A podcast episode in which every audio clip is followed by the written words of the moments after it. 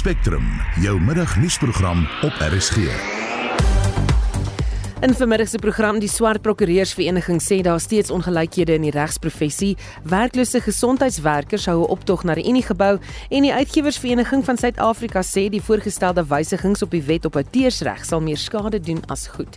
Welkom by Spectrum onder redaksie van John Estreisen en die produksieregisseur is Johan Pieterse en ek is Susan Paxton.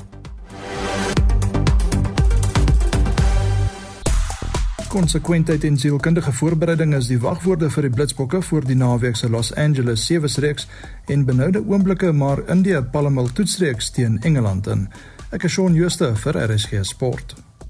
Nou die jaar is in volle swang, die skole is aan die gang en tersiêre instellings akademiese jaar het nou afgeskop. Het een van jou kinders die huis dalk verlaat om te begin werk of dalk te studeer, dalk het jou laaste of enigste kind van jaar die nes verlaat, ly aan sogenaamde leennes sindroom en wat doen jy met al die skielike en bykomende tyd op hande? Hier is 'n luisteraar se mening op WhatsApp. Ja, die leennes sindroom sal ons nou nie eers oor praat nie. Ek moes altoe my kinders in 1 jaar wat uit die huis uit is, een het getrou en een het gaan werk weg van die huis af. So dit was vir my 'n dubbele dosis en ja, op die einde van die dag het ek daai huis verkoop. En as ek so verby die leekamers geloop het, het ek sommer heeltemal depressief en in 'n gat geval. Maar toe gebeur dit dat ons daai huis kon verkoop het. Nou nie juist om daardie rede nie, maar dit het my tog in 'n mate gehelp dat ek nie elke oggend daar verby hoef te loop en te onthou van die koekies en die tee en die eksamentye en die laatnag leer nie. So ja, gelukkig kon ek dit so was ek gelukkig om daai huis te escape soos wat hulle sê, want dit bly maar glad nie 'n lekker ding nie. Jy kan saampraat oor 'n leennes sindroom. Jy kan jou ervarings met ons deel. Stuur 'n SMS na 45889 teen R1.50 per boodskap of stuur 'n WhatsApp stemnota na 0765366961. Dis 0765366961.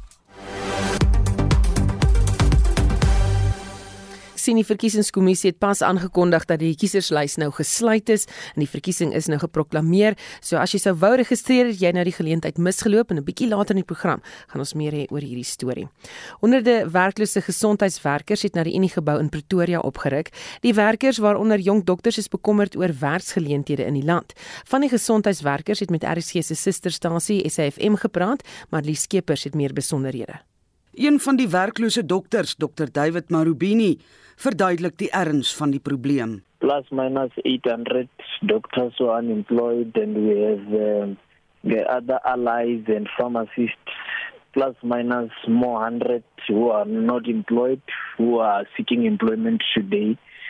Um, yeah, so those are the the numbers that we can have on the floor. Some of them have not been employed for more than five months, six months, but the new ones, the new group is about 2 months. Volgens Marubini is die land se fiskale uitdagings een van die sleuteloorsake van die probleem. The biggest challenge we are having is that of the fiscal challenges that the national presented. However, we have also looked into the issues of this health care provision as a basic human right and therefore a majority of these fiscal challenges would have been avoided in many ways which we cannot deal with because those are political issues. But we're saying that fiscal issues or challenges should not uh, have a negative bearing on the healthcare provision of our people and uh, make us stay out of these sectors to go into private in which few of the South Africans are able to access that optimal and quality care service of the private sector whereas our public majority are suffering. Die jong werklose dokters se oplossing is die volgende. The government employing or reinstating the current cohort of unemployed healthcare professionals. We are saying this because there are areas where this government has proven to the public that when there is a situation that uh, brings a negative impact in the lives of our people, they can remedy the situation as and when matters arise. And we are saying they must reinstate these people so that the provision of health care should not be compromised at any level. And we were saying that the budget cuts must not impact negatively on the healthcare sector. Marubini sê die departement moet sy stelsel verfyn sodat hy presies weet hoeveel leerdlinge hy gaan aanstel, hoeveel dokters wat 'n leerlingskap voltooi het aangestel gaan word en hoeveel die openbare gesondheidsorgstelsel gaan verlaat. Marubini sê die departement gaan nou ook 'n skofstelsel in gebruik stel wat hulle diep bekommerd het. This system after having consolidated and being on the ground and having experience of how it works it has negative impact on continuation of care of patients it also has negative impact in teaching and learning of interns and comserves and even other registrars and junior consultants. Yes. And it also has a, a negative impact on self development. Uh, mm-hmm. One would explain further to say that when you are done with your session, you leave and go home. And the remaining is people who are going to represent you. It can be an intern who is not going to to well defend how you managed a particular patient. And if you made mistakes, you are not going to know which mistakes you made. Dit was Dr David Marubini wat met RSG se susterstasie SAFM gepraat het. Ek is Marlie Skeepers vir SAK nuus. Ons bly by die storie en praat nou met Dr Angelique Kutse van Solidariteit se doktersnetwerk. Goeiemôre Angelique. Middag Susan en middag van almal daar buite. Dink jy die werklose jong dokters en mediese personeel het 'n geldige rede om ongelukkig te wees? Kyk, ehm um, As ons gaan kyk na wat tans in die land aan die gang is, het ons wel 'n tekort aan dokters. Ons het 'n tekort aan dokters in die private sektor, veral in die landelike gebiede. Ons het 'n tekort aan dokters in die publieke sektor. Ehm um, het dit landelik landelike gebiede is of in die stedelike gebiede. So ons het 'n tekort. Maar daar's 'n ding soos ehm um, die fisikale uh, of uh, probleme waarna hierdie dokter verwys het. Nou ongelukkig kan ons nie verby dit kom nie. Ons kan nie wegkom daarvan af nie. Ons kan nie sê hoor hierso daai probleme het niks met ons te doen nie dit is politieke probleme. Jou salaris word ongelukkig as jy in die staat uh, wil bly word ongelukkig bepaal deur hierdie fiskale probleme wat daar buite is wat in die uh, provinsiale en natuurlik um, nasionale departement van gesondheid lê. Alhoewel die die die wat 'n mens moet besef oor die jare het die die poste ehm um, ongelukkig weg begin val. So as 'n pos nie gevul word nie na 'n jaar of 2, dan word hy redundant verklaar en hy val net heeltemal een doeteenvoudig weg sodat die statistieke beter kan lyk. So nou sit ons met um, hospitale wat nie genoeg poste het vir dokters wat klaar is met hulle gemeenskapsdiensjare nie. Maar dis 'n ou probleem. Dit is nie 'n nuwe probleem nie. So dit beteken ek as 'n dokter wat 'n uh, internskap doen of maar in besig is in my gemeenskapsjaar, moet bewus wees van die feit dat ek nie outomaties in die staatsdiens werk gaan kry nie, want daar is nie ehm um, voorsiening gemaak vir hierdie poste wat wat dood wat noodsaaklik is. Dit is noodsaaklik. So ek moet dan al klaar vir myself begin spaargeldjie wegsit sodat ek of in die private sektor kan ingaan of ek moet gaan besluit Ehm um, gaan ek as ek in die private sektor gaan ek as 'n algemene praktisyn gaan ek aansluit by 'n groep gaan ek net sommer begin werk.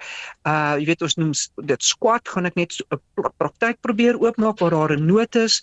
Ehm um, wat gaan ek maak? Gaan ek aansoek doen by 'n farmaseutiese maatskappy om te kyk of ek daar kan werk kry? Maar ek moet besef dat die staat gaan nie my die werk gee nie. Die staat het nog nooit beloof dat hulle vir jou gaan werk gee as jy klaar gestudeer het nie. Maar jy weet ons sit in hierdie hierdie mindset ding van weet die staat het my opgelei, die staat het my het my verdra deur al my universiteitslewe, um behuising, kos en alles, boeke, ek het weet, en nou skielik moet ek self begin om my voete te vind en ek is nooit voorberei daarop nie. Hmm. So ja, ons kort die dokters, ons kort hulle almal, maar ons nie geld nie. So as die departement nou nie genoeg geld het om jong mediese dan nou aan te stel, hoe gaan hulle dit dan bekostig uh, met die oog op die nasionale gesondheidstelsel? Die Vader alleen weet. Ek kan nie sien hoe hulle dit gaan regkry nie, want ons kan nie eens hierdie goed uitsorteer nie. En onthou, hierdie is nie so maklik om te sê hoorie ons moet nou hierdie 800 dokters aanstel nie. Onthou die oomblik wat hierdie dokters in die in die stelsel inkom van die publieke sektor, bly kan hy nou daar dan kan hy daar bly vir die volgende kan vir die res van sy lewe daar bly, kan bly tot hy dalk die land wil verlaat of uit die posisie uit wil gaan. So hierdie hierdie salaris wat hierdie ouens kry gaan nou gaan jaarliks op na hoër kerf of elke 2 jaar na hoër kerf toe. So daai uitgawes bly daar. En dan volgende jaar, wat gaan ons met volgende jaar se klomp maak? Wat ehm um, wat dan ook nou sê maar jy weet jy moet nou vir my werk gee in die staat. Wat gaan ons maak? Hm. Waar gaan daai geld vandaan kom? Hierdie dokters het nog klagtes van dit is uh, hulle is bekommerd oor 'n nuwe skofstelsel wat die departement gaan instel. Is daar geldige rede om hieroor bekommerd te wees? Ja, daar daar daar's rede om bekommerd as ons gaan kyk na die skofstelsel of die shiftstelsel wat hulle dit noem. So wat nou daar besig is om te gebeur en dit is nou nou aanleiding van hierdie dokters wat hulle nou wat die regering nou gesê het hulle gaan nou van hulle begin aanstel. So wat hulle nou gedoen het, hulle vat nou die oortyd van die ander weg. Nou sê hulle, so as ons nou 5 nuwe dokters hier kan aanstel, dan gaan hierdie dokters sê maar die, nagskool werk. Hmm. Ehm um, en dan ehm um, kan weet sodat ek dan die geld dan, dan beter kan beheer om beter kan ek ek gaan nou meer mense kan ehm um, aanstel. Ehm um, jy gaan nou almal gaan nou minder kry. Ons gaan die koek net bietjie kleiners nou want die koek gaan dieselfde bly. Maar ehm um, ons gaan nou 'n bietjie van daai geld so dan dan val die oortyd weg. En hiermee gaan die dokters nie tevrede wees nie want klomp meer as 30% van hulle inkomste is oortyd. So nou gaan ons nog daai volgende drama daaroor ook sit. So jy, so ehm um, ek dink wat ek nie kan verstaan is die mense hoor nie wat ons vir hulle sê ons ekonomie is in sy is is in 'n gemors. Die publieke sektor se finansies is regtig nie op 'n goeie plek nie en dan verdwinge my ou nog steeds, ou verwag nog steeds dat jy 'n salaris gaan kry. Ons kan nie eens hierdie goed hanteer nie, so hoe gaan ons in elk geval NHA? Jy's 100% reg. Hm. Baie dankie, dit was Dr. Angelique Kutse van Solidariteit se doktersnetwerk. Die swart prokureursvereniging sê daar steeds ongelykhede in die regsektor en dat die kollig baie helderder daarop geplaas moet word. Dit is in reaksie op regter Mandlenkosi Motta van die Pretoria Hooggeregshof wat van twee regspanne 'n verduideliking eis oor hoekom daar nie swart advokate in hulle spanne is nie. Motta hoor tans 'n saak aan oor regstellende aksie regulasies tussen Preform Work Scaffolding en die Kommissie van Breë Swart Ekonomiese Bemagtiging. Beide se regspanne bestaan slegs uit wit advokate. Die sekretaris-generaal van die swart prokureursvereniging vereniging Chris Mamatuncha sê hy verstaan nie die ewige reaksie oor die regter se standpunt nie. Yes, we do support the sentiment of the judge 100% as the Black Lawyers Association. There's nothing new that has been said by the judge that we as practitioners and members of the Black Lawyers Association are not aware of. Judges make these remarks anytime in court. I and members of the BLA are not even aware why is this matter now becoming 'n topical issue. Mama Tuncho sê hulle is ook baie ongelukkig dat die kommissie vir breë swart ekonomiese bemagtiging nie ook die saak reggestel het nie. One of the most disappointing developments in this matter is that the other party involved in this matter is the BE commission that uh, uh, briefs to white senior counsel and in total disregard of section 217 of the constitution we would not have expected it come from a commission of that nature. But moreover than that, the, the BLA stands for transformation. It must be known that Judge Mota represents the sentiments of black lawyers on the ground. You will also recall that when Judge Mota was interviewed by the JSC, he did not make it a secret that he comes from the BLA. The sentiments that are expressed by Judge Mota are sentiments of the Black Lawyers Association. And uh, we are very pleased that at a judicial level, you have got a judge who is able to pick the issue of transformation at the level of the judiciary. It's a pleasing development. There is no need to panic. It is the right path that the judge has taken. Hy sê verder, sover hulle verstaan, is die regter geregtig om so iets in die hof aan te spreek. At the BLA level and at the practice level, we are not aware of the rule that prevents the judge from making such a remark. Judges make remarks whether the teams are composed properly, whether they are juniors on the matter, whether there are candidates that are being trained. And these things, they are not secrets because when these judges are nominated at the Judicial Services Commission interviews, they are questioned on these things.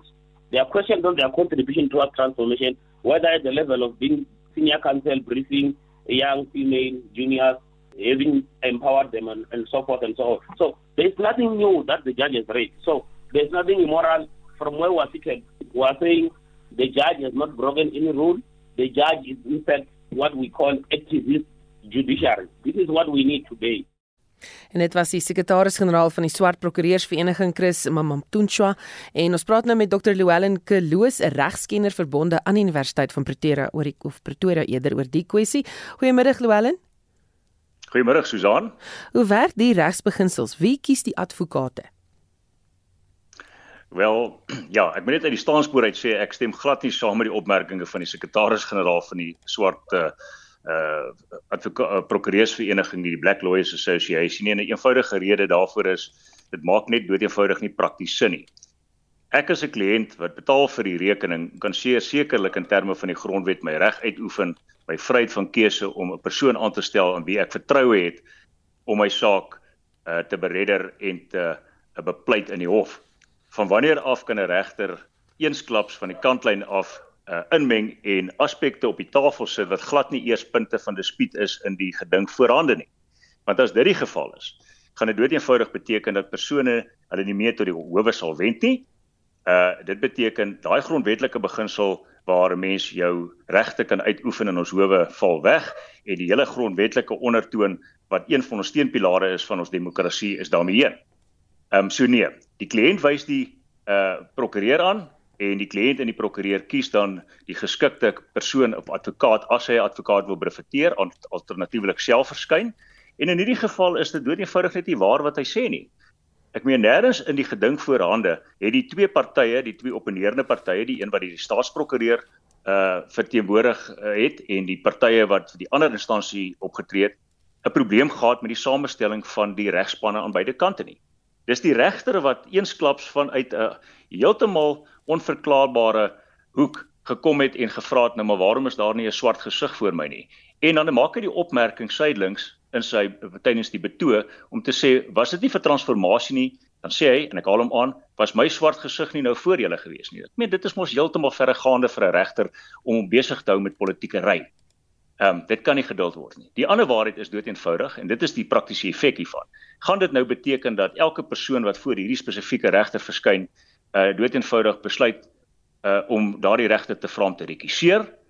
Ehm um, gaan dit beteken dat partye veral tradisionele wit firmas weier om enige sake voor hierdie regter te plaas om aangehoor te word juis weens sy klaarblyklik en ek sê dit met die grootste respek ehm um, op die oog af uh nie partydigheid nie. Ek meen hy 'n regter moet 'n onafhanklike persoon wees wat nie kyk na kleur, geur, ehm um, ras, godsdiens ensovoorts nie. Die feit dat jy aangestel is deur die regtelike dienskommissie en selfs uit die geleedere van die BLA kom soos wat my die sekretaris-generaal probeer te kenne gee het, uh, beteken nie jy moet jou politiek end uit op die regbank ook uitoefen nie. Jy is veronderstel om almal se belange ongeag van al hierdie goeters natuurlik ehm um, te te te bemiddel en onafhanklike skeieregte te wees en dis nie die geval klaarblyklik hierson nie. Hm.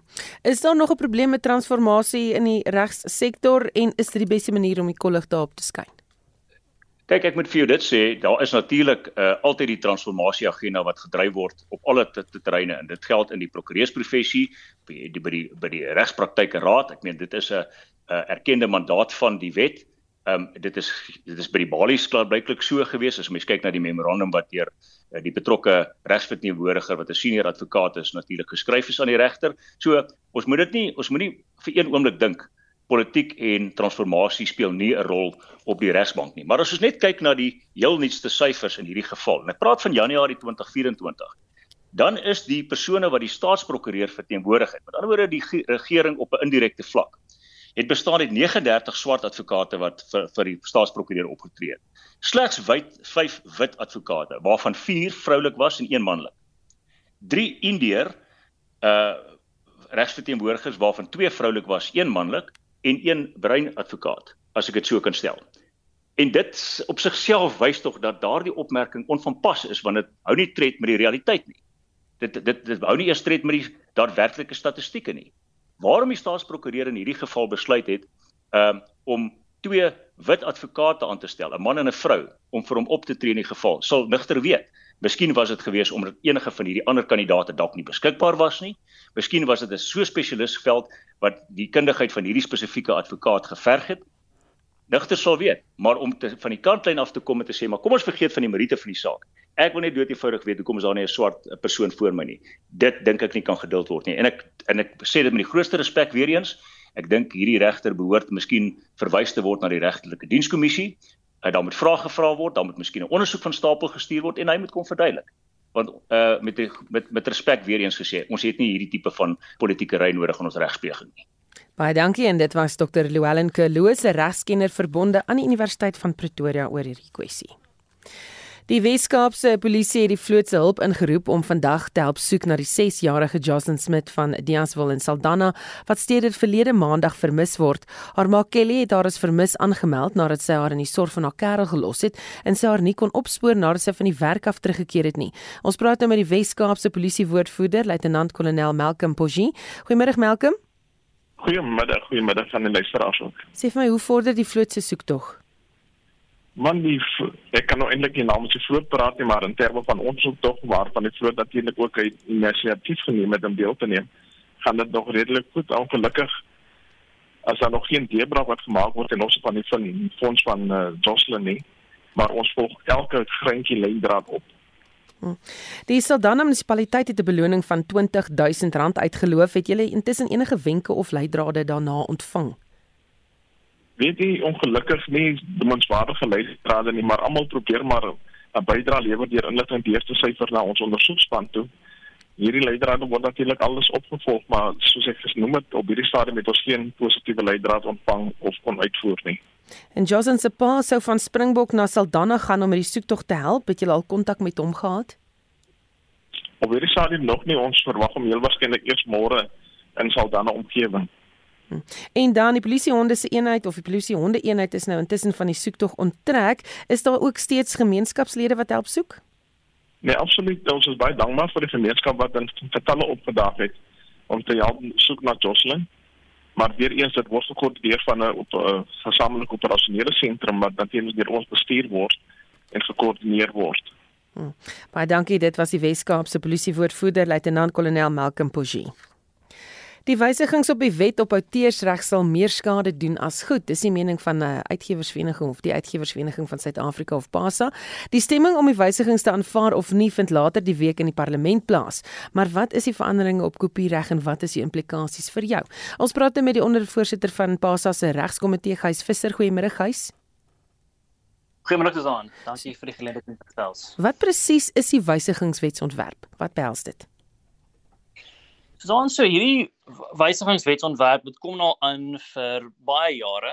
Ehm um, ek dink die dit het begin al in 2008 was die eerste geleide daaroor gewees en daar was sedertdien nou al baie weergawe gewees soos wat hy ontwikkel het. Die wetsontwerp het eintlik vir die president beland in 2020 en die president het dit toe nou terugverwys na die nasionale vergadering op daai stadium omdat hy gevoel het ehm um, dit is moontlik ongrondwettig of baie aspekte van die wet is moontlik ongrondwettig. En dit is maar omdat dit klousules het wat basies mense wat basies intellektuele eiendom onteien. En so ja, skus jy wil iets vra? Mm, ja, ek wil net vra wat is die probleem uh, daarmee? Wat wat wat waaroor is julle bekommerd? Wel, het ek sal ehm um, ek gaan kort ek sal net praat oor ek dink die die die twee mees problematiese aspekte van hierdie wetsontwerp. So heidaglik in die wetsontwerp wat ons nou het, die Wet op Outeursreg van 1978, werk ons met 'n leerstuk wat ons noem fair dealing wat basies 'n lys uitsonderings is waar mense werke kan gebruik of inhoud kan gebruik wat onderwerpe is aan outeursreg in 'n manier wat nie die regte die houers regte skend nie. So dit is nou maar vir uh, navorsing, persoonlike gebruik en dis meer. En die wonderlike ding van dit is is dit gee vir jou regsekerheid. So mense weet hoe in watter maniere hulle hierdie werke kan gebruik in 'n manier wat hulle nie moeilikheid kry nie. Ehm um, en natuurlik die die houer van die outeer sê verstaan dat dit in 'n manier gebruik word wat nie op hulle inbreuk maak nie. Nou en meeste van die wêreld gebruik 'n soortgelyke stelsel. Maar wat hierdie wetsontwerp doen is dit bring 'n nuwe sogenaamde fair use leerstuk in en dit word gebruik in Amerika en 'n paar ander lande. Dit het ontwikkel in Amerika in die tyd toe hulle hulle self so afgeïsoleer het van die res van die wêreld, so dit is al hulle eie ding en ons wil dit nou inbring. Die probleem hiermee is dat enige iemand kan enige inhoud gebruik hoe ook al hulle goed dink ongeag die feit dat dit gebonde is aan outeursreg. En die houer van die outeursreg of wat nou die skrywer of die kunstenaar of wie ook al is, moet dan daai persoon hof toe vat en die hof moet dan besluit of dit reg of verkeerd is. So dit basies beteken dat daar moet litigasie wees vir hierdie leerstuk om gebruik te kan word. Dit beteken en natuurlik meeste kunstenaars het nie geld om hulle self te gaan verdedig in die hof nie. Wat beteken groot maatskappye van oorsee, tegnologie maatskappye ensovoorts kan basies Suid-Afrika kom myn vir ons inhoud en ons intellektuele eiendomme. Meeste van ons kunstenaars sal niks kan doen om hulle self te beskerm nie. Uh Ekskuus, ja, en wat ek net wou byvoeg is en dit word so gefraseer in hierdie wet dat wetsontwerp dat die impak daarvan sal baie groter wees as in enige ander dis dis baie wyeer, baie meer oop as in enige ander wet in enige ander land. So ons skrywers, ons kunstenaars sal baie minder beskerming geniet teen onteiening van hulle intellektuele eiendom as enige ander as in enige ander kreatiewe industrie in enige ander land in die wêreld. Hmm. En kan mense nog kommentaar lewer? Ja, so daar is 'n petisie wat uh begin is deur eintlik maar deur deur skrywers hoofsaaklik dit word gedryf deur Pan Afrikaans, Pen South Africa, Anfasa, PASA, al hierdie organisasies. Dit is op change.org. Die petisie se naam is uh Protect South African Authors as ek dit mis het nie. Ehm uh, so dit ekskuus.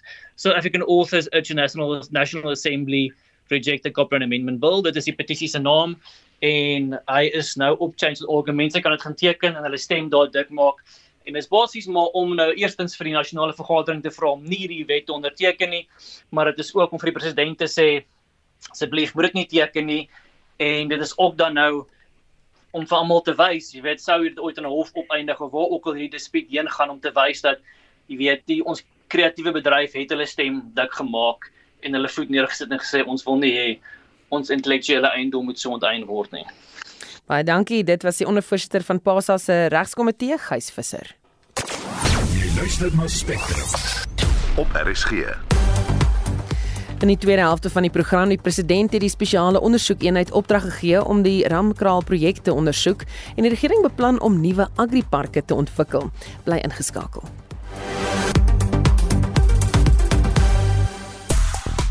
Ons vra vir jou of jy 'n Leones sindroom ervaar, is eh, het jy storieetjie daaroor en JB van Pretoria het baie wyse woorde hier. Hy sê as die kinders uit die huis uit is, is dit nie so sleg nie. Hulle kan weer terugkom. Maar as om die kinders uit jou sak te kry, dit duur die res van jou lewe. Jy kan steeds saamgestel stuur vir ons 'n SMS of uh, stuur vir ons 'n stemnota, ons hoor graag van jou. Shaun Jooste sluit by ons aan met die jongste sportnuus. Goeiemôre Shaun. Goeiemôre Susan. Die Blitsbokke betoog om onder die top 8 in die wêreld sewe streeks te eindig en na 'n teleurstellende naweek in Kanada word hulle in 'n moeilike groep vir die Los Angeles toernooi geplaas. Ja, die Blitsbokke is in groep A saam met Argentinië, Ierland en Spanje geplaas. Nou Argentinië is die voorlopers op 78 punte, Ierland is tweede op 54 en Spanje 11de op 13 punte. Die Blitsbokke is 6ste op 46 punte en onthou die top 8 spanne behou hulle kernstatus. Soos Suid-Afrika kan nie nog 'n Vancouver uitslag in die laaste 3 rondes beleef nie. Maar die afrigter Sandile Ngobo was tevrede met Suid-Afrika se laaste wedstryd teen Australië, maar sê die week se fokus is konsekwentheid en om sielkundig gereed te wees vir elke wedstryd. Yeah, I mean, that's what you could ask for, and, and that's exactly what we said we, we're going to fix. We're just arriving mentally and showing game after game. The main word right now is just consistency. But I couldn't fault the boys. Really happy with the effort and execution of the game plan. Frustrating because we know that we've got the team, we've got the game plan, we've got the individuals and the culture. We know that we can put any team away, and we've shown it. It's just that we need to arrive, you know, we need to arrive, and that's the mental aspect that we'll be, speaking about, and that's the frustrating part. So consistency is the one word that we're gonna keep on hammering on, and just the mental side of things. It's frustrating, but uh, I think we'll keep growing and do better. Nou ons vroue span is ook in groep A saam met Nieu-Seeland, Fiji en Brasilië. Nou hulle is tweede, sewende en negende onderskeidelik met Suid-Afrika laaste op die punteleer. Hoe lyk bepalinge in vandag se tweede ronde van die Varsity beker reeks? UJ speel vanmiddag kwart voor 5 op hulle tuisveld teen die Shimlas. Seweer kom in Noordwes Aarde teen die Universiteit van die Wes-Kaap, wit teen die CUT Ixias en die UCT Ikes teen Maties te staan. Indië palm hulle toetsreeks teen Engeland in, maar het Engeland amper 'n uh, snif of 'n snuif in die neus gegee. Ja, en dis 'n teken van 192 gestel om die 4de van 5 toetse te wen, maar drie paaltjies net voor en nog twee na ete het India se bietjie op hulle tone gehou, maar net te min hulle wen die toets met 5 paaltjies en loop nou 3-1 voor met nog een toets wat oorbly. Dit was Shaun Jooste van RSG Sport. Spy by Sportnuus, die Bulls volg 'n positiewe benadering tot hulle Verenigde Rugby Kampioenskapswedstryd Saterdag teen die Stormers in Pretoria. Jake White se span het sy laaste sewe kragmetings teen die Kaapenaars verloor. Behalwe vir ligapunte is die Suid-Afrikaanse skild vir die voorste plaaslike span ook op die spel en Liesel Olivier doen verslag. Die Noord-Suid Derby is altyd 'n hoogtepunt op die plaaslike rugby kalender. Hoewel die Bulle 'n wendroogte teen die Kaapenaars beleef, is hulle nie in sak en as nie. Maar die losvoorspeler Nizam Kar sê die bulle is gereed vir die stryd. Hulle gaan hulle toespits op hulle fisieke spel, die voordeellyn en momentum aanpassings. To see what is in front of you and what can bring out the best in you but if you overthink it and like I should have been here or I'm too flat, I'm too deep, then you've probably lost the battle already. If you are there, do it 100%. If you do it wrong, do it 100% wrong, but never ever be 50-50 or like I'm not where I'm supposed to be or at the right time or complaining blah blah all the stuff. So mindset is everything on the day as well. Albei spanne verwelkom hul Springbok spelers terug vir die stryd. Gar sê hulle teenwoordigheid maak 'n groot verskil. It's a lot faster, harder and definitely more physical. Obviously because they've been there on the top and not so long ago. So you have Kainen Moody out there doing chip kicks and stuff like that, you obviously need to chase. So you're going to have to work harder, you know, to pick up the scraps if they maybe tap it back and things like that. So the quality is definitely going to be better. Hy het bygevoeg dat tuisveld voordeel en die tuiskare 'n groot hupstoot vir die span sal wees. When we score points, kick to poles or you know there's a big hit or a good maul setup for example, if the fans and the supporters can get behind that, it's going to play a huge role for us. It will just give us that extra, you know, boost on the day. Die Bulle is tans derde op die VRK punteleer met 35 punte, 4 minder as Leinster en net 1 minder as die Glasgow Warriors. Die Stormers is 6ste met 30 punte. Aspreys, Ulster, Munster en Connacht blaas egter steeds in hulle nekke. Liesel Olivier, SAK nuus. Na jare is daar uiteindelik goedkeuring gegee dat die spesiale ondersoekeenheid die omstrede Ramkraal konstruksieprojek moet ondersoek. Die ou Ramkraal tronk in Bloemfontein sou in 'n nuwe Vrystaatse wetgewer kompleks omskep word. Sedert 2013 word daar al vir 'n ondersoek gevra, miljoene rand te sloot daan bestee, maar dit het nooit op die been gekom nie. Ons praat nou met die DA oppositieleier in die Vrystaatse wetgewer en die premierskandidaat vir die provinsie Roy Jankelson. Goeiemôre Roy. Goeiemôre Suzan. Die Vrystaatse wetgewer, die provinsiale departement van openbare werke en die departement van vervoer in KwaZulu-Natal word by die SOE ondersoek betrek. Wat is die verband tussen die drie? Ehm um, Suzan, ek gaan spesifiek praat oor die Ramkraal projek in die Vrystaat. Daar is aan die aard van die saak nou ongeruimthede in al die projekte wat nou deur die spesiale ondersoek eenheid ondersoek word, maar spesifiek in die Vrystaat met die Ramkraal projek is is daar besluit geneem en dit was nie 'n besluit deur die provinsiale regering of die wetgewer dit is elders geneem om 'n klomp geld te bestee om 'n nuwe wetgewer gebou op te rig by die ou Ramkraal tronk buite Bloemfontein naby Heidedal en daar's ongeveer 107 miljoen rand daar bestee met niks om daarvoor te wys nie. En dit is hoekom ons hierdie ondersoek verwelkom. Die tydsberekening is bietjie verdaag net voor 'n verkiesing veral omdat dit gedoen is tydens die tydperk van Ysmagashule se premierskap. En nou staan hy skielik teen die ANC in die verkiesing en nou is daar besluit om dit te ondersoek. Maar ons is aan die aard van die saak bly dat dit ondersoek word want ons druk nou al 10 jaar vir 'n ondersoek. En hoeveel geld is er weer aan hierdie projek bestee? Susan ongeveer 107 miljoen rand is bestee aan hierdie projek en al wat daar op hierdie stadium is is 'n erfenisgebou wat geplunder is. So wat het intussen met die Vrystaatse wetgewer gebeur? Is hy steeds in dieselfde kantoorgebou of kompleks as voor 2013? Die Vrystaatse wetgewer gebou, die 4de ra raadsaal, uh, word nog deur die wetgewer gebruik vir sittings en dan is daar 'n kantoorgebou in Bloemfontein se middestad wat as kantore dien vir die Vrystaatse wetgewer. Wat hulle wou doen met die Ramkraal kompleks is om dit te kombineer in een op een perseel maar ons ons het dit nooit goedgekeur in die wetgewer nie en dit was in die aard van die saak net nog 'n geleentheid vir volgens ons om staatskoffers te plunder. Die ouditeur-generaal het ook die Ramkraal projek ondersoek. Wat was sy bevindinge? Daar was 'n klomp ongeruimthede volgens die ouditeur-generaal buiten dat dit nooit goedgekeur is deur die provinsiale wetgewer is die grond aanvanklik wat aan die nasionale departement van openbare uh, behoort het nooit oorgedra aan die Vrystaat se regering. Dit was teen 2018 dit was daar was geen volhoubaarheidstudie gedoen vir die projek nie.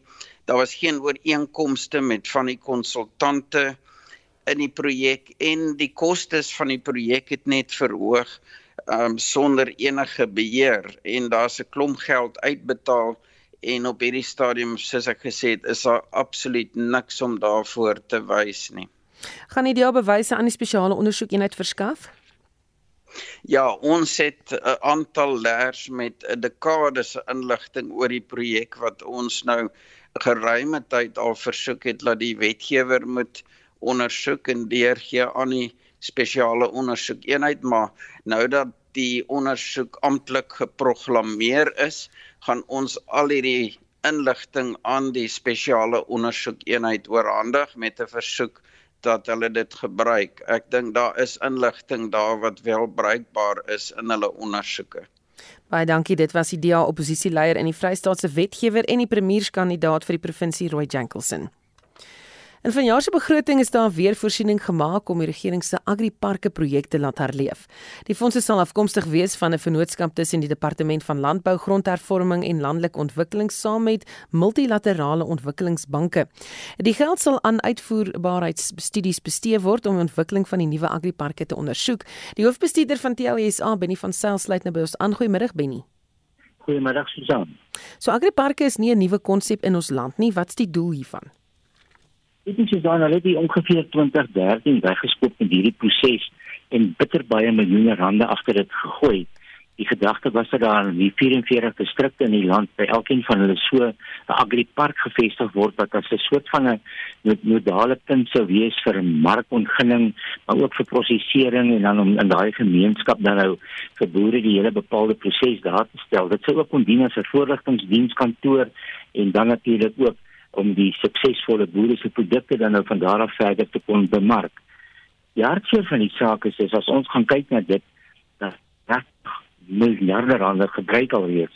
Net in Gauteng het die laaste 7 jaar 135 miljoen net in een provinsie gebruik. Ons vraag is net, um, ons weet nie van een wat funksioneel doeltreffend is nie. En dit is ons dilemma. Hier is bitter baie geld aangewend vir bodemlose pitte of 'n wit olifant wat wil ons kies en dit werk nie. En ek dink die fokus is verkeerd. En daar's 'n paar goed wat ons vir mekaar kan sê oor hierdie goed. Net oor twee aspekte kan ek vinnig toelichting gee. Die regering self erken dat omtrent meer as 90-95% van die grond wat hulle op hulle metode oorgedra het, het uit produksie gegaan. Met ander woorde, daar's nie produkte wat na so agripark toe kan gaan nie. Ek woon 'n voorligtings in kan weet konferensie by van die voorligtingsbeamptes en 'n hoofvoorligtingsbeampte sê daar ag grootste probleem is sy wil graag op 'n kursus gaan dat sy kan leer hoe om te boer. Dan word nou kom ons by kaderontplooiing en die impak van dit ook dan op die totale samelewingsorde. Dit is vir ons hartseer dat ons sit met hierdie bepaalde situasie. Daar was ander maniere wat hulle eerder hierdie geld kon aanwend en dan wel nuwe opkomende boere help en ons het veral in 2005 voorstelle gemaak, maar die regering kies ongelukkig elke keer anders en dan sit ons met resultate wat ons nou sien as daar een is wat werk, dan steek hulle hom goed weg, maar ek weet nie van hom nie. Hm. Ehm um, as mens praat van 'n agripark Benny, wat presies doen mens daar? Ek dink die hoofbedoeling by hulle was dat hulle skep hierdie fasiliteite wat dan as 'n bepaalde markomgewing sou wees. Met ander woorde, die behoorlik aan hulle produkte soen te bring en indien daar wel prosesering of verwerking of verpakking sou plaasvind, kon dit gebeur en dan kon die mark, dan word die verbruiker kon dan die produkte daar gaan koop het. Dit is soos ons dit verstaan aanvanklik die teorie van die saak was. Maar dit is nie wat gebeur nie. Want die ding is nie prakties gedrewe nie. Dis 'n teorie oefening. Die markomgewing is 'n bitter belangrike deel van jou totale waardeketting. Maar hy moet markgedrewe wees. Hy moet vraaggedrewe wees. En daarom sou ons sê hulle kon al hierdie geld eerder gebruik het as aansporingsmaatreëls of insentiewe vir die private sektor om dan volgens behoeftes hierdie aspekte te gaan vestig. Ons weet van plekke waar hulle van hierdie goed gebou het, reg langs 'n uh, fasiliteit wat dieselfde nou gebou word, maar die vorige een het opgehou funksioneer want daar was nie meer 'n behoefte aan 'n omgewing nie, of hy was nie lewensvatbaar nie. En dan begin jy weer eene, maar daar is nog fasiliteite. Sulke tipe van goed het gebeur met hierdie agriparke se ontginning van die begin tot nou en dit maak net nie sin nie. Dit en ek dink dit is waar ons altyd voel en ons sê dit hoe baie keer vir die regering trek lede van ons of Agri Suid-Afrika van SAI, dis die mense wat die kundigheid het oor hoe hierdie goed te maak werk. En dan jou besigheidsmense betrek hulle in die beplanning dat jou privaat inisiatief se suksesfaktor eintlik Suid-Afrika se proses rig. Nie hierdie kwessie van 'n mislukfaktor en ons begin dit as die norm aanvaar en ons probeer dit bestuur nie. Dit is hartseer dat ons soveel geld vermoors in ons land met goed wat net nooit van die tafel af kom nie, maar dit is nie behoorlik um, gedryf deur die regte kundige mense wat die verskil kan maak nie. Baie dankie, dit was die hoofbestuurder van TLUSA Benny van Sail. Die Zulu koning, Misuzulu Kaswelithini, die reg om die voorsitter van die Inkonyama Trust te verwyder en homself as die enigste voorsitter aan te stel. Die minister van Landbou, Grondhervorming en Landelike Ontwikkeling, Toko Didiza sê, omdat hy die enigste trustee lid van die trust is, is hy geregtig om dit te doen. Dit volg nadat die koning, die voorsitter van die Inkonyama Trust, Tandiswe Mazwen Mela en verskeie ander raadslede afgedank het. Die Inkonyama Trust beheer sowat 'n derde van die grondgebied in KwaZulu-Natal. Didiza sê sy was egter verras oor die skuif. Well, I must say that I was caught by surprise that the president had not even finished a year being in office. And you would recall uh, these rumors started around September. And unfortunately, at the time, we didn't receive any letter or communication from the king to that effect. And you would also recall that the spokesperson then had rebutted that letter and indicated that it was fake. So we did not, you know, take that into consideration. So when we received the letter now from the Prime Minister of the Zulu King indicating that he's uh, recalling Inkosi Mzimela, we were a bit taken aback. But obviously, as his nominee, it is within his right to decide who he appoints as the nominee, who will then be the chair of the board, as the Act says, that he can chair the board himself or appoint a nominee. Die Diesel sê die gebeure veroorsaak baie onsekerheid onder gemeenskappe. I must say that what has occasioned our statement is because it is indeed unsettling for a number of people, even in society. The beneficiaries of the Ngonyama Trust, who are really the communities whose land are under the administration of the trust, and there had been a lot of communication publicly by some of the analysts and normal individuals who were just concerned as to what is happening and isn't this causing some instability. And it was therefore important for myself as the minister responsible to actually issue a statement to just reassure people that the institution is functional despite that the chairperson who has been installed by the king has been now recalled and that he is taking over the function of being the board chair himself. Dit sê verder dat die Inkonyama Trust steeds moet gehoor gee aan die hofuitspraak dat mense nie hoef te betaal om daar te bly nie. The judge was correct that people should not pay for staying on Ingonyama land because they've got the land rights in those land like anybody else. And you have got the IPILRA, which is the informal protection of land rights. You have got ULTRA, which is the upgrading of informal land rights. So those people have got full rights like anybody else. The fact that you may not have title on Ngonyama trust land does not mean you don't have a right to land. En dit was eh, Toko Diza, die minister van Landbou, Grondhervorming en Landelike Ontwikkeling. Vanmiddag se sake nuus word aangebied deur Dion Goosen, 'n portefeuljebestuurder by Netbank Korporatiewe Beleggings. Goeiemiddag eh, Dion. Middag Susan en middag aan die luisteraars. In Amerika het die Dow Jones Vrydag 0.2% hoër gesluit. Die S&P 500 was onveranderd terwyl die Nasdaq 0.3% laer gesluit het. In Asië sluit die Hong Kong Hang Seng vanoggend 0.5% laer. Die Japanese Japanese Nikkei was 0.3% hoër en die Australiese ASX 200 het 0.1% sterker gesluit. In Europa op die oomblik, die Britse FTSE 100 is swakker met 0.3%, die Franse CAC 40 is laer met 0.4% en die Duitse DAX is onveranderd.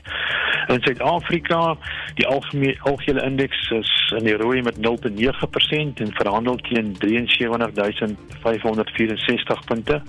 Die finansiële indeks is 1.1% laer, die nywerheidsindeks is 0.2% laer en die Hulbron indeks is 2% laer. Dis veral Sasol wat swaar werk na hulle resultate vanoggend, die is op die oomblik 5.2% laer. As ons kyk dan kommoditeitspryse, goud is swakker met 0.1% en verhandel by 2033 dollar per fyn ons. Platinum is swakker met 0.7% en verhandel teen 887 dollar per fyn ons. En dan Brent olie is op die oomblik laer met so 0.5% en verhandel teen 81 dollar 23 sent per vat. En dan die wisselkoerse, die rand wil weer verkeerde kant toe gaan. Teen die dollar is dit nou R19.34, 'n pond gaan vir R24.52 kos en 'n euro R20.98. En dan rentekoerse, die R2030 staatseffek verhandel op die oomblik by 10.11%. Die week die week se belangrike ekonomiese data sluit die privaat sektor kredietsyfers in, sowel as die produsenteprysindeks.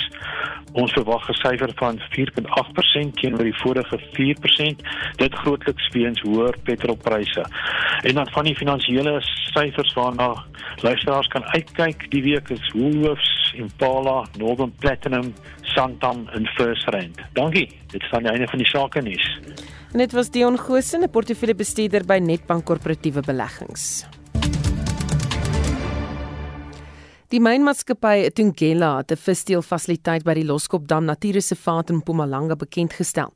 Die maatskappy het die projek begin nadat suurmynwater van sy mynbedrywighede in die Wilgerivier beland het en verskeie visspesies uitgewis het. Bykans 8 miljoen rand is in hierdie projek belê en Jomery Vroof het meer besonderhede.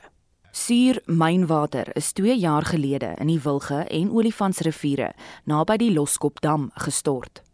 Honderde visse het gevrek en 26 inheemse visspesies is uitgewis. Die uitvoerende hoof van Tungela, Julian Glowu, sê die watergehalte is terug na aanvaarbare vlakke. So the project itself is actually a much bigger rehabilitation project which has cost us hundreds of millions including rehabilitating what was uh, disturbed by illegal miners. But this specific facility that you saw today will cost, is costing us something like 5 million rand upfront, but there is ongoing costs until we bring back the aquatic life in the river system back to what it was, we commit to continue to fund it. 'n Akwatiese wetenskaplike by die Mpumalanga Toerisme en Parke Agentskap, Dr. François Roux, verduidelik hoe die vissteelproses werk. We can mimic any environmental conditions in terms of temperatures, daylight length. We can do it here. So we can breed the fish here. And then once they've been bred, we take them out to the facility outside, which is a grow out facility. And for the three bream species that we've just done, we try and aim for two centimeters before we replace them back into the river. But of importance is there is no sense in us breeding them and putting them back if the habitat and the water quality is not fine. So there's been a lot of uh, studies involved to ensure that the water quality is improved to a state where it can accommodate fish again. Die bestuurshoof van die Mpumalanga Toerisme en Parke Agentskap, Mduduzi Vilakazi, sê Tungela sal die fasiliteit aan die agentskap oorhandig om te bedryf sodra die rivierstelsel tot sy eerstydse funksionaliteit herstel het. Remember, we have tourists that like the aquatic system. They want to see how fish are bred. They want to see the value of the water. We are speaking of a blue drop. They want to see the value of the water and how best we are ensuring that uh, we keep this. So, this means that uh, we are going to have a number of tourists that will come to this place for this particular facility in order also for them to learn. We are also inviting universities that are dealing with the aquatic education to ensure that they also come in their droves to learn about how fishes are bred. Meer as 26 visspesies sal by die fasiliteit geteel word. Die verslag is saamgestel deur Erik Lubisi. Ek is Jean Marie Verhoef vir SAK nuus. Marlies Skeepers het vir ons die nuus die afgelope eh, uur dopgehou en sluit nou by ons aan Marlies. Ons het vroeër in die program oor die gesondheidssektor gepraat en volgens berigte is die telefoonlyne by verskeie Gautengse openbare hospitale buite werking weens agterstallige rekenings. Die hospitale sluit in Charlotte Matkeke, die Steve Biko Akademiese Hospitaal, Weskoppies en die Kapanong Hospitaal. Die Gautengse Departement van Gesondheid sal glo binnekort 'n verklaring hieroor uitreik. Die Verenigde Nasies se opvoedkundige wetenskaplike en kulturele organisasie of UNESCO sê daar is 'n wêreldwye tekort van miljoene onderwysers wat die vraag na gehalte onderwys teen 2030 sal moet vul. Die 24ste beleidsdialoogforum van die internasionale taakspan oor onderwysers vir onderrig vind tans in Sandton plaas. UNESCO se assistent-direkteur-generaal van onderwys, Stefania Giannini. There is a dramatic shortage of teachers globally. It's about 44 million teachers missing from now to 2030 to achieve quality inclusive education for all. So we have to take action. We have to contrast uh, attrition, which is very high in the profession. We have to make the profession of teaching, uh, which is so important socially, and also for inclusive economic growth and social cohesion, once again attractive, which is not the case. In die Midde-Ooste, Susan het die Israeliese weermag 'n ontruimingsplan aan die oorlogskabinet voorgelê waarin voorstelle gemaak word hoe om Rafah in die suide van die Gaza-strook te ontruim en Palestynse burgers na veiligheid te neem. Die BBC se Jenny Hill doen verslag. Israel has repeatedly insisted it will move civilians to safety before sending troops into Rafah, but it's still not clear how it intends to do that. The Israeli Prime Minister, Benjamin Netanyahu, has vowed to push ahead with his much publicized plans for a major ground invasion, despite ongoing talks aimed at a temporary ceasefire and the release of Israeli hostages. Mr. Netanyahu said that any truce would simply delay his attack on Rafah, where he claims battalions of Hamas fighters are hiding among the civilian population.